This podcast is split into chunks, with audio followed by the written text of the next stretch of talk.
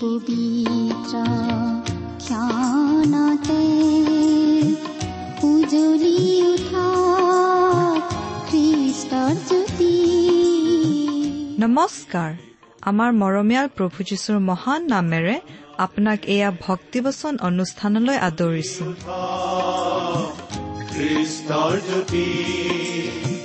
আকাশ বতাহ মুখৰিত কৰি গাঁও সবে মিলি প্ৰশংসা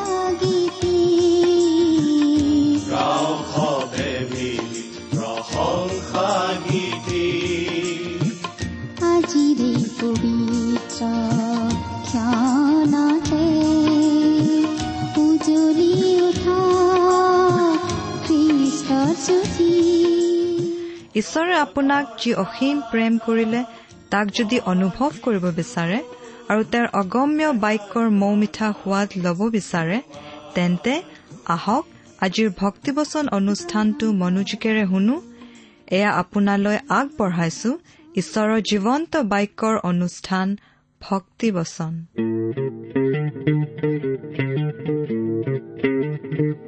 আজি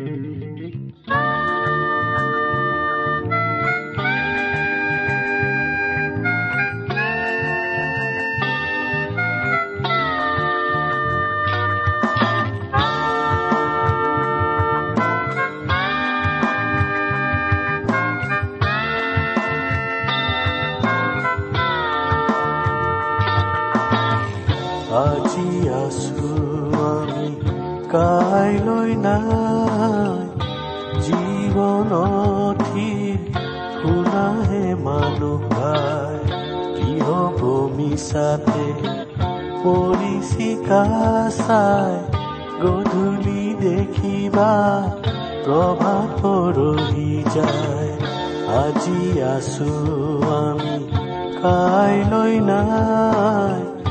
জীৱনথিৰ শুনাহে মানুহ খাই কি হ'ব মিছাতে পৰিচিকা চাই গধূলি দেখিবা প্ৰভাত পৰহি যায় আজি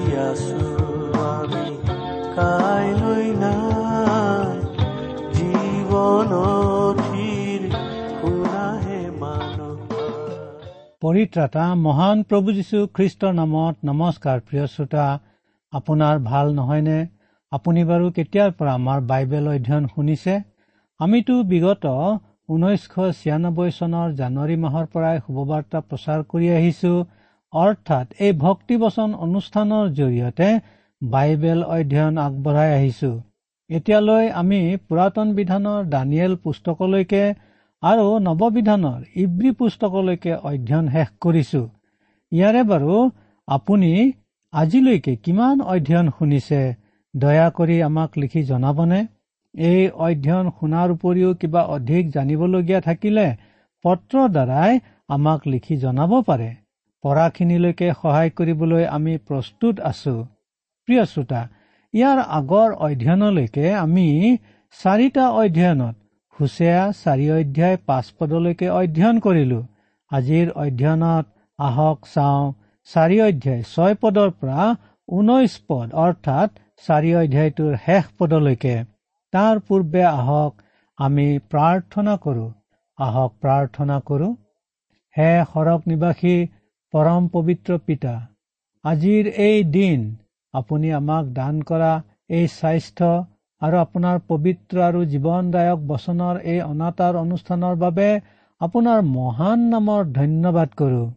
হে পিতা আপুনি দয়া কৰি আমাৰ অনুষ্ঠান শ্ৰোতাসকলক আশীৰ্বাদ কৰক যেন তেওঁলোকে এই পুস্তকৰ বাণীৰ পৰা বুজি পায় যে মানুহ ঈশ্বৰৰ দৃষ্টিত পতিত প্ৰাণী হলেও সেই মানুহক আপুনি বৰ ভাল পায় আৰু পাপ বন্ধনৰ পৰা মুক্ত কৰিবলৈ মানৱৰ ৰূপত যীশু অৱতাৰত এই জগতলৈ আপোনাৰ পুত্ৰ আমাৰ পৰিত্ৰাতা যীশুখ্ৰীষ্টক পঠিয়াই দিছিলে আৰু তেওঁৱেই নিজৰ জীৱন দান কৰি মুক্তিৰ মূল্য বহন কৰিছে। হে পৰম পিতা ঈশ্বৰ পাপ বন্ধনৰ পৰা মুক্তি লাভ কৰিবলৈ আপোনাৰ বচনৰ বাণী শুনা লোকসকলে যেন আপোনাক তেওঁলোকৰ পৰিত্ৰতা আৰু প্ৰভুৰূপে বিশ্বাস আৰু গ্ৰহণ কৰিব পাৰে। আপুনি এনে আশীৰ্বাদ কৰক। পৰিত্ৰতা যীশুখ্ৰীষ্টৰ নামত আমি এনে প্ৰাৰ্থনা অৰ্পণ কৰিলো। আমেন। প্ৰিয় শ্ৰোতা আহক এতিয়া আজিৰ আমাৰ শাস্ত্ৰাংশ অৰ্থাৎ হুচেয়া চাৰি অধ্যায় ছয় পদৰ পৰা ঊনৈশ পদলৈকে বাইবেলৰ পৰা পাঠ কৰো হওক লগত আপোনাৰ বাইবেলখন যদি আছে হুচেয়া চাৰি অধ্যায় ছয় পদৰ পৰা ঊনৈশ পদলৈকে উলিয়াই লওক। আমাৰ প্ৰিয় যিসকল অখ্ৰীষ্টীয় শ্ৰোতাৰ হাতত বাইবেলৰ কেৱল নৱবিধান বাইবেলখনহে আছে সেইসকলে হুচীয়া পুস্তকখন তেওঁলোকৰ নৱবিধান বাইবেলত বিচাৰি নাপাব কাৰণ হুচীয়া পুস্তকখন পুৰাতন বিধান বাইবেলৰহে পুস্তক। আপোনাৰ যদি সম্পূৰ্ণ বাইবেলখন নাই তেন্তে পাঠ কৰি যাওঁতে মনোযোগেৰে শুনি যাওক পাঠ কৰিছো। জ্ঞানৰ অভাৱত মোৰ প্ৰজাবিলাক নষ্ট হল। হে পুৰোহিত তুমি জ্ঞান অগ্ৰাহ্য কৰিলা।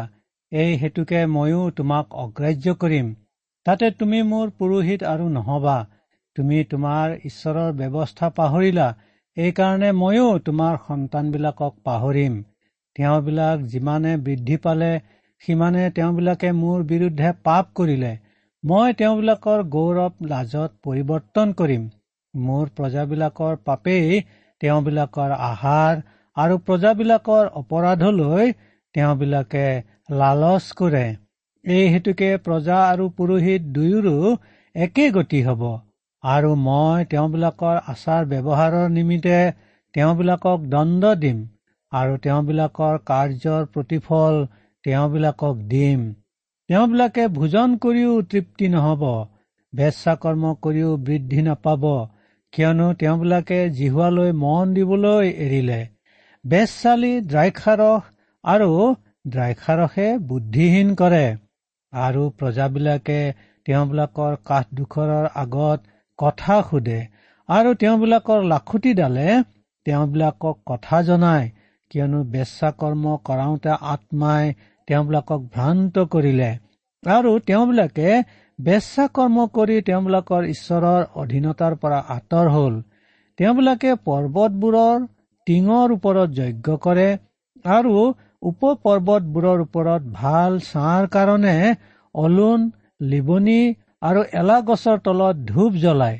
এই নিমিত্তে তোমালোকৰ জীয়াৰীবোৰে বেচা কৰ্ম কৰে আৰু তোমালোকৰ বোৱাৰীবোৰে বেবিচাৰ কৰে। তোমালোকৰ জীয়াৰীবোৰে বেচা কৰ্ম কৰিলেও বা তোমালোকৰ বোৱাৰীবোৰে বেবিচাৰ কৰিলেও মই সিহঁতক দণ্ড নিদিম। কিয়নো সিহঁতে নিজেই বেচাৰে সৈতে নিৰ্জন ঠাইলৈ যায় আৰু দেৱী দাসী বেচাবোৰে সৈতে যজ্ঞ কৰে আৰু এই নিৰ্বোধ জাতিৰ সংসাৰ হব। হে ইছৰাইল তুমি যদিও বেচাকৰ্ম কৰা তথাপি যীহুদা সেই দুখত দোষী নহওক আৰু তোমালোকে গিলগলত ভৰি নিদিবা বৈত আবনলৈ নুঠিবা আৰু জীৱন্ত জিহুৱাৰ শপত বুলি শপত নাখাবা। কিয়নো মগৰা গাৰ নিচিনাকৈ ইছৰাইলে মগ্ৰামী কৰিলে এখন বহল পথাৰত মেৰ পোৱালি এটিক চৰোৱা দি জিহুৱাই তেওঁবিলাকক চৰাব। ইফ্ৰহিম মূৰ্তিবোৰত আসক্ত তাক থাকিব দিয়া। তেওঁবিলাকৰ মদ খোৱাৰ ধুমধাম শেষ হলে তেওঁবিলাকে অনবৰত বেচা কৰ্ম কৰে। তেওঁবিলাকৰ ঢাল স্বৰূপ অধিপতিবিলাকে অপমানজনক কাৰ্য কৰিবলৈ অতিশয় ৰূপে ভাল পায়। বায়ুৱে নিজৰ দুখন দেউকাৰে সেই জাতিক সাৱটি লৈ যাব। তাতে তেওঁবিলাকে তেওঁবিলাকৰ যজ্ঞৰ কাৰণে লাজ পাব। প্ৰিয় শ্ৰোতা শাস্ত্ৰাংশখিনি শুনিলে। এতিয়া আহক পদকেইটাৰ মূল কথাবোৰ ফহিয়াই চাওঁ। চাৰি অধ্যায় ছয় পদত কোৱা হৈছে যে জ্ঞানৰ অভাৱত অৰ্থাৎ ঈশ্বৰ বিষয়ক জ্ঞানৰ অভাৱত ঈশ্বৰৰ প্ৰজা অৰ্থাৎ ইছৰাইলৰ সন্তানসকল নষ্ট হৈছে। ঈশ্বৰৰ বচনৰ যি জ্ঞান সেই জ্ঞানৰ অভাৱেই আছিল তেওঁলোক নষ্ট পোৱা পাপৰ মূল কাৰণ। প্ৰিয় শ্ৰোতা আপুনি যদি এগৰাকী খ্ৰীষ্টীয় লোক তেন্তে মনত ৰাখিব যে যি মুহূৰ্ততেই আপুনি ঈশ্বৰৰ বচন বাইবেলৰ জ্ঞান আহৰণৰ পৰা আঁতৰিবলৈ ল'ব সেই মুহূৰ্তৰে পৰা আপুনি আপোনাৰ খ্ৰীষ্টীয় জীৱনত ডুবিবলৈ ধৰিব।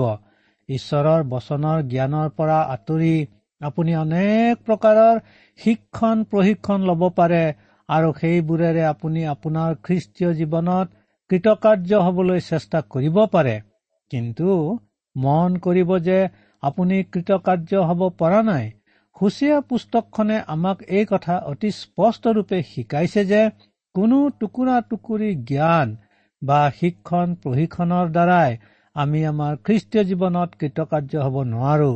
যদি আমাৰ ব্যক্তিগতভাৱে তেওঁৰ অৰ্থাৎ ঈশ্বৰৰ বচনৰ জ্ঞান ব্যক্তিগতভাৱে নাই সেইকাৰণে আমি ঈশ্বৰৰ বচন বাইবেল শিকিবলৈ আৰু শিকাবলৈ সদায়েই যত্নপৰ হ'ব লাগে। যিসকলে সুন্দৰ খ্ৰীষ্টীয় জীৱন যাপন কৰিবলৈ ইচ্ছা কৰে তেওঁলোকে ঈশ্বৰৰ বচন শিকিব লাগে আৰু যিসকলে শিকাব পাৰে তেওঁলোকে শিক্ষাৰ্থীসকলক পঢ়াখিনিলৈকে যত্নেৰে শিকাব লাগে। কিন্তু ইছৰাইলৰ সন্তানসকলে ঈশ্বৰৰ বচনৰ জ্ঞান অগ্ৰাহ্য কৰিলে আৰু সেই জ্ঞানৰ অভাৱত ঈশ্বৰৰ সন্তানৰূপে নচলি ঈশ্বৰৰ বিৰুদ্ধে জীৱন আচৰণ কৰাত ঈশ্বৰেও তেওঁলোকক অগ্ৰাহ্য কৰিবলৈ বাধ্য। আচলতে ঈশ্বৰে বিচাৰিছিল এনেকি তেওঁ এতিয়াও বিচাৰে যেন তেওঁৰ প্ৰতিগৰাকী সন্তানেই পুৰোহিত হয়? কাৰণ তেওঁৰ প্ৰতিগৰাকী সন্তানে তেওঁৰ ব্যৱস্থা শিকে আৰু তেওঁৰ প্ৰতিগৰাকী পুৰোহিতে তেওঁৰ ব্যৱস্থা শিকায়। ইছৰাইলৰ সন্তানসকল এতিয়া পুৰোহিত নহয় কিন্তু হাজাৰ বছৰ ৰাজত্বৰ কালত তেওঁলোক নিশ্চয় পুৰোহিত হ'ব। তেওঁলোকে ঈশ্বৰৰ ব্যৱস্থা পাহৰি থকাৰ কাৰণে ঈশ্বৰে ইছৰাইলীসকলৰ যেনেকৈ সোধ বিচাৰ কৰিছিল তেনেকৈ এতিয়াও কৰিব। কিন্তু শেষৰ কালত তেওঁলোকে ঈশ্বৰক বিচাৰিব। ঈশ্বৰৰ ব্যৱস্থা পালন কৰিব। আৰু তেওঁলোক ঈশ্বৰৰ লোক হ'ব আৰু ঈশ্বৰো তেওঁলোকৰ ঈশ্বৰ হ'ব। সাত পদত চাওক সঁচাকৈয়ে ইছৰাইলৰ সন্তানসকলে যিমানে বৃদ্ধি পাইছিল সিমানেই তেওঁলোকে ঈশ্বৰৰ বিৰুদ্ধে পাপ কৰিছিল। ঈশ্বৰে অব্ৰাহামৰ আগত অংগীকাৰ কৰি কৈছিল যে তেওঁ তেওঁৰ বংশ বৃদ্ধি কৰিব। অংগীকাৰৰ দৰে তেওঁৰ বংশ বৃদ্ধি কৰিছিলেও কিন্তু তেওঁৰ বংশ বৃদ্ধি কৰাৰ দ্বাৰাই অধিক পাপী লোকৰহে বৃদ্ধি হ'ল। আপোনালোকৰ এই অযোগ্য দাসৰ জন্মৰ দিনতো সেইটোৱে ঘটিছিল। মোৰ জন্মৰ যোগেদি আৰু এগৰাকী পাপীৰ এই পৃথিৱীলৈ আগমন ঘটিছিল। কিন্তু ধন্য হওক ঈশ্বৰৰ নাম যে তেওঁ তেওঁৰ দাস এগৰাকীৰ যোগেদি মোক ঈশ্বৰৰ বচনৰ জ্ঞান দিয়াত মই মোৰ পৰিত্ৰাতা প্ৰভূত বিশ্বাস কৰিবলৈ সক্ষম হলো। কিন্তু ইছৰাইলৰ সন্তানসকলে ঈশ্বৰৰ বচন অগ্ৰাহ্য কৰি ঈশ্বৰৰ বচনৰ জ্ঞান জনা নাছিল। সেয়ে ঈশ্বৰে তেওঁলোকৰ মন্দিৰৰ গৌৰৱ বা উজ্জ্বল পোহৰ বা চেখাইনা গৌৰৱ তেওঁলোকৰ পৰা আঁতৰ কৰিছিল আৰু সেয়ে তেওঁলোকৰ বাবে লাজৰ বিষয় হৈছিল।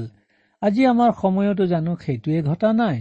আমাৰ দুৰ্বলতা আমাৰ অমনোযোগিতা আৰু ঈশ্বৰ বিষয়ক জ্ঞানৰ অভাৱৰ কাৰণে আমাৰ দুৰৱস্থা দেখি অখ্ৰীষ্টীয় জগতে মণ্ডলীৰ ক্ষেত্ৰত এই বুলি কোৱা নাইনে?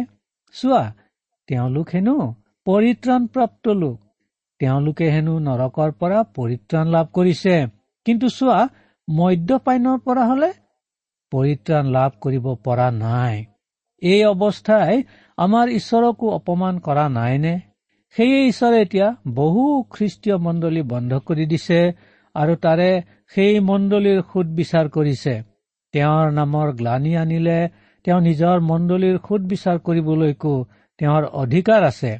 আঠ পদৰ কথাৰ পৰা আমি জানো তেওঁলোকে কেৱল পাপ কৰিয়েই ক্ষান্ত নাছিল কিন্তু পাপ আচৰণ কৰিও তাকে লৈ তেওঁলোকে গৌৰৱ অনুভৱ কৰিছিল।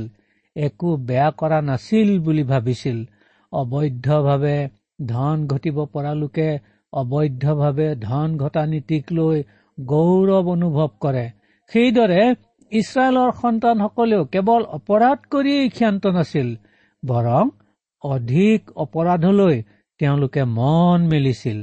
ন পদৰ কথাষাৰৰ পৰা আমি জানো যে প্ৰজাৰ লগতে পুৰোহিতৰ জীৱনো নিম্নগামী হৈ প্ৰজা আৰু পুৰোহিতৰ জীৱন একাকাৰ হৈছিল। এবাৰ এগৰাকী লোকে তেওঁলোকৰ গীৰ্জাৰ পালকৰ প্ৰশংসা কৰি কৈছিল যে তেওঁলোকৰ পালকজন তেওঁলোকৰ লগত ফুটবল খেলে আৰু খেলাৰ পাছতো চাহ মেলৰ সময়ত অতি হীন আৰু অশ্লীল বিষয়ৰ আলোচনাত তেওঁলোকৰ সৈতে সহযোগ কৰে। গুৰু আৰু শিষ্য একাকাৰ হোৱা পালক আছিল তেওঁ। সেই পালকৰ ক্ষেত্ৰত ঈশ্বৰে কি ক'ব জানেনে? গুৰু যেনে শিষ্যও তেনে। তেওঁলোকৰ এই আচৰণৰ কাৰণে মই তেওঁলোকক জৰুৰ দণ্ড দিম। দহ পদৰ ভোজন কৰিও তৃপ্তি নাপাব মানে হৈছে দিন আহিব। যেতিয়া তৃপ্ত হোৱাকৈ খাবলৈ নাপাব কাৰণ আকালে দেশখনক গ্ৰাস কৰিব।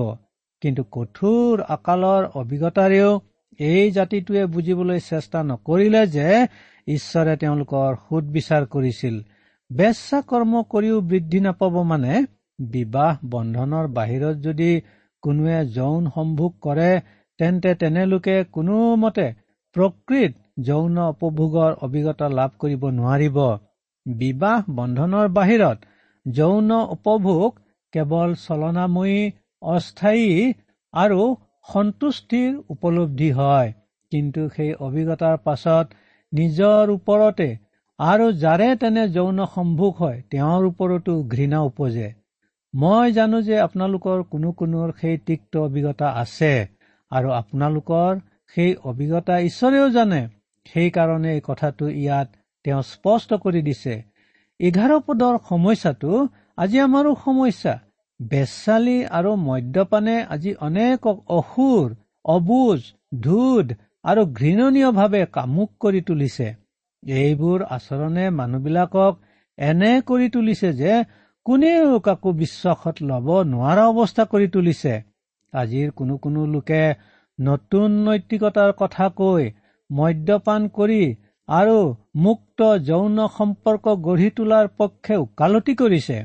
এই লোকসকলে দেখিছে যে তেওঁলোকৰ নতুন নৈতিকতাৰ নীতিয়ে কাকো সহায়তো কৰা নায়েই বৰং গেলাতে টেঙা ঢালি দিয়াৰ নিচিনাহে হৈছে।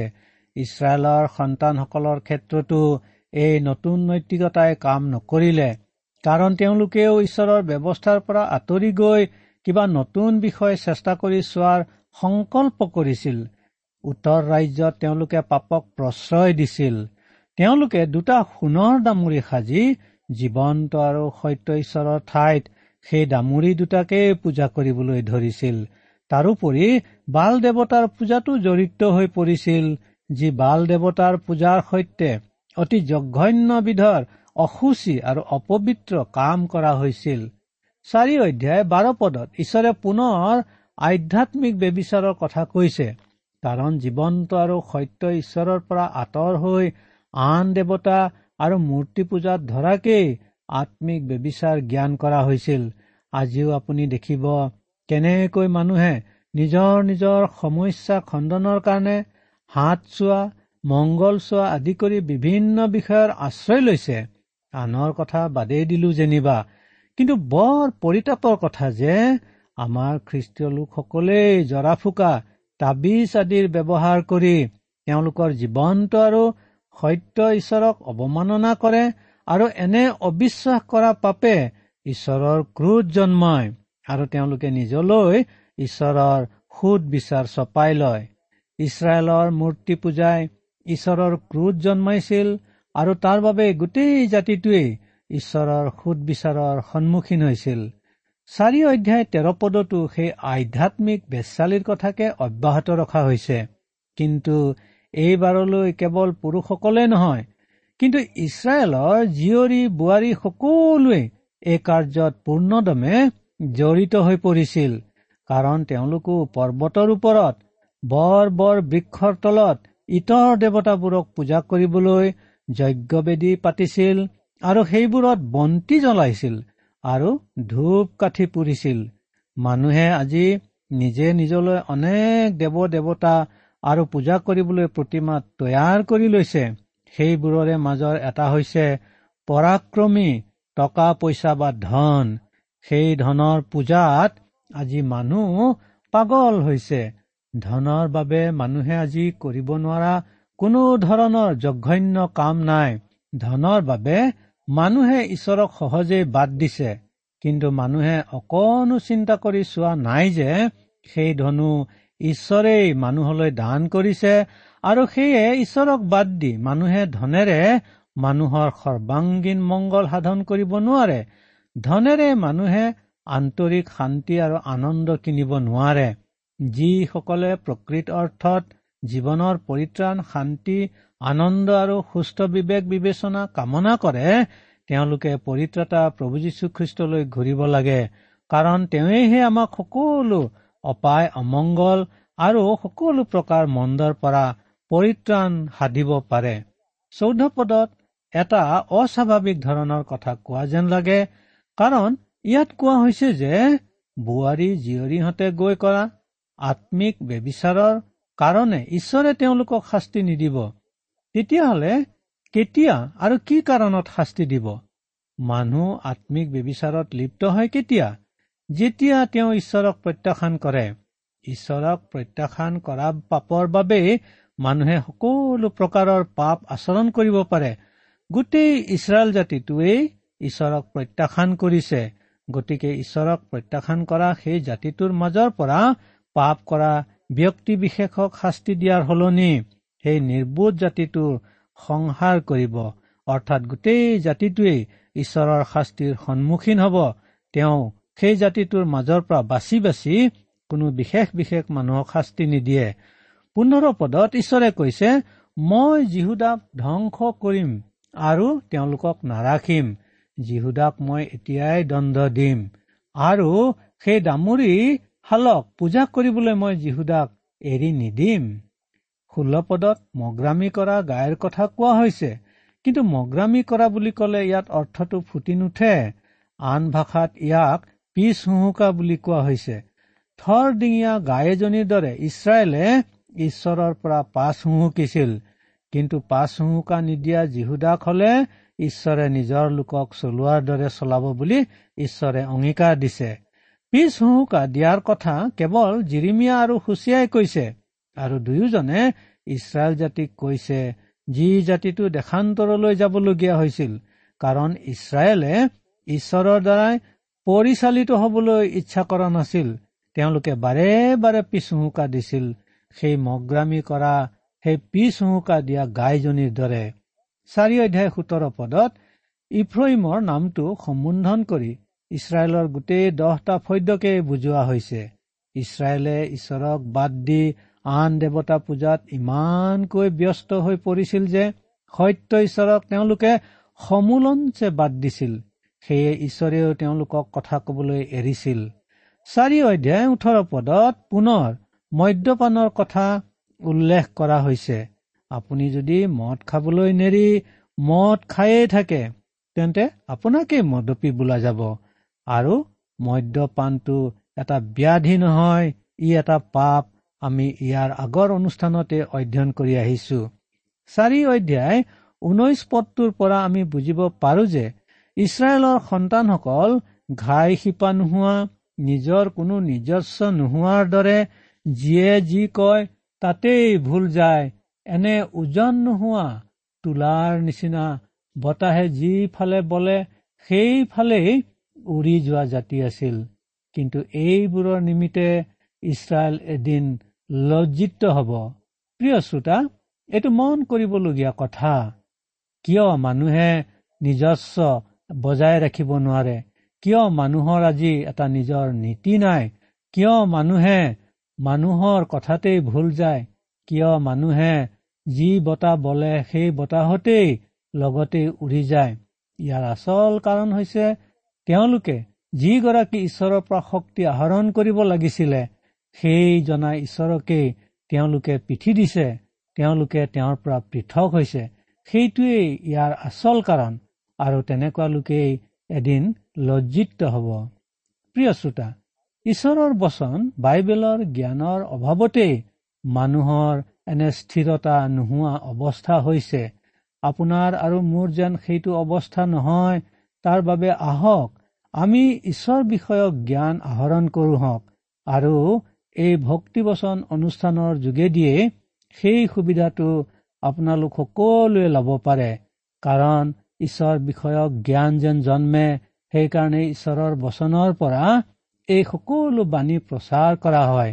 আপোনাৰ আৰু মোৰ যেন সেইটো অৱস্থা নহয় তাৰ বাবে আহক আমি ঈশ্বৰ বিষয়ক জ্ঞান আহৰণ কৰো হওক। আৰু এই জ্ঞান আহৰণ কৰিবলৈকে আপোনালোকৰ কাৰণে এই ভক্তি বচন অনুষ্ঠানৰ যোগেদি ঈশ্বৰৰ সেই বচনৰ জ্ঞান প্ৰচাৰ কৰি থকা হৈছে। সেই ঈশ্বৰৰ জ্ঞানৰ বচনৰ ভিত্তিতেই আপোনালোকে ঈশ্বৰৰ বিষয়ক জ্ঞান আহৰণ কৰিবলৈ সমৰ্থ হ'ব। সেইটো কৰিবলৈ ঈশ্বৰে আপোনাক আৰু মোক সহায় কৰক। ঈশ্বৰ আপোনাৰ সহায় হওক। নমস্কাৰ।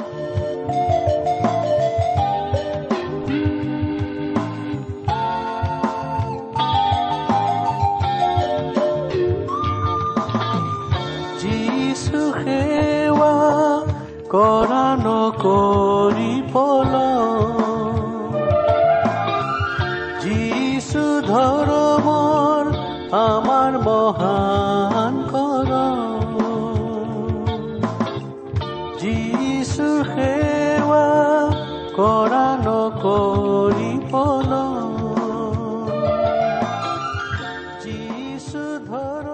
ইমান পৰে আপুনি ভক্তিবচন অনুষ্ঠানটি শুনিলে। অনুষ্ঠানটি শুনি কেনে পালে? আমালৈ চিঠি লিখি জনাবচোন। অনুষ্ঠানত প্ৰচাৰ কৰা কোনো কথা বুজিব লগা থাকিলেও আমালৈ লিখক। আমাৰ ঠিকনা ভক্তিবচন টি ডাব্লিউ আৰ ইণ্ডিয়া ডাক পাকচ নম্বৰ সাত শূন্য গুৱাহাটী সাত আঠ এক শূন্য শূন্য এক। ঠিকনাটো আৰু এবাৰ কৈছো। ভক্তিবচন টি ডাব্লিউ আৰ ইণ্ডিয়া ডাক পাকচ নম্বৰ সাত শূন্য গুৱাহাটী সাত আঠ এক শূন্য শূন্য এক। আপুনি ইমেইল যোগেৰেও আমাৰ সৈতে যোগাযোগ কৰিব পাৰে। আমাৰ ইমেইল আইডিটো হৈছে Assamese T TV at radio' eight eight two dot com আইডিটো আকৌ এবাৰ কৈছো। Assamese T TV at radio' eight eight two dot com আপুনি টেলিফোনৰ মাধ্যমেৰেও আমাক যোগাযোগ কৰিব পাৰে। আমাৰ টেলিফোন নম্বৰটো হৈছে শূন্য তিনি ছয় এক দুই ছয় শূন্য চাৰি ছয় সাত এক। ফোন নম্বৰটো আকৌ এবাৰ কৈছো zero' three six one two six zero' four six seven one. আজিৰ অনুষ্ঠানটি ইমানতে সামৰিছো। ঈশ্বৰৰ শান্তি আৰু অনুগ্ৰহ আপোনাৰ লগত থাকক। ধন্যবাদ। কৰা নকৰি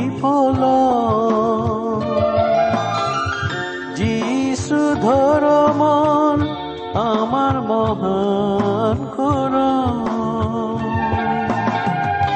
সময় মিছাতে নকৰিবা ক্ষয় যিছুৰ সেৱাৰ এই সময় আজি আছো আমি কাইলৈ নাই জীৱনথি শুনাহে মানুহ ভাই। কি হ'ব মিছাতে পৰিচিকা চাই গধূলি দেখিবা প্ৰভাত পৰহি যায়। আজি আছো আমি কাইলৈ নাই জীৱনথিৰ শুনাহে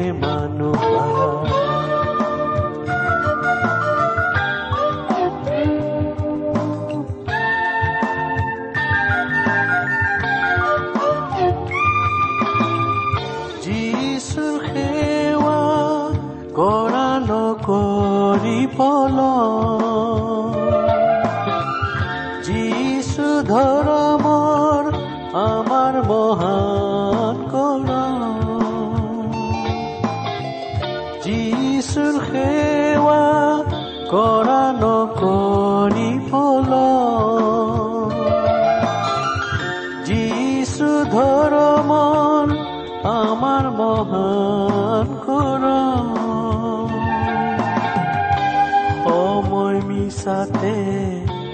নকৰিবা ক্ষয় যিছুৰ সেৱাৰ এই সময় আজি আছো কাইলৈ নাই জীৱনথিৰ শুনাহে মানুহ কি হ'ব মিছাতে? পৰিচিকা চাই গধূলি দেখিবা প্ৰভাত পৰহি যায়। আজি আছো আমি কাইলৈ নাই। জীৱ জীৱন থিৰ শুনাহে মানুহ